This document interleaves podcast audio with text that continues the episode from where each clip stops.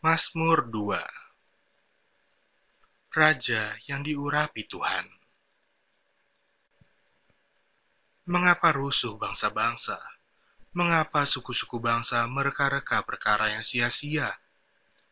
Raja-raja dunia bersiap-siap, dan para pembesar bermufakat bersama-sama melawan Tuhan dan yang diurapinya.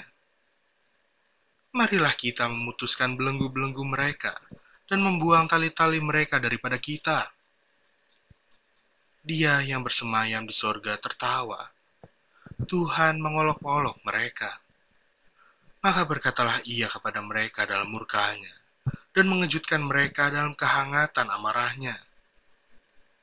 Akulah yang telah melantik rajaku di Sion, gunungku yang kudus. Aku mau menceritakan tentang ketetapan Tuhan. Ia berkata kepada aku, Anakku, engkau, engkau telah kuperanakan pada hari ini.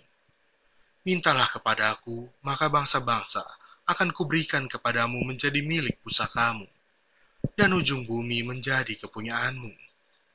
Engkau akan meremukan mereka dengan gada besi, memecahkan mereka seperti tembikar tukang periuk.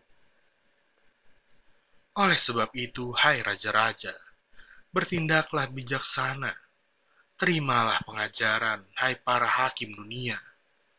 Beribadalah kepada Tuhan dengan takut, dan ciumlah kakinya dengan gemetar, supaya ia jangan murka dan kamu binasa di jalan, sebab mudah sekali murkanya menyala. Berbahagialah semua orang yang berlindung padanya,